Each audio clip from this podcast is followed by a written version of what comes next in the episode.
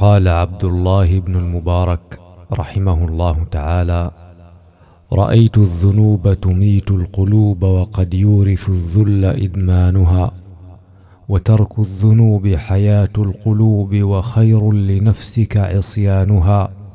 وهل بدل الدين إلا الملوك وأحبار سوء ورهبانها وباعوا النفوس فلم يربحوا ولم تغل في البيع أثمانها لقد رتع القوم في جيفة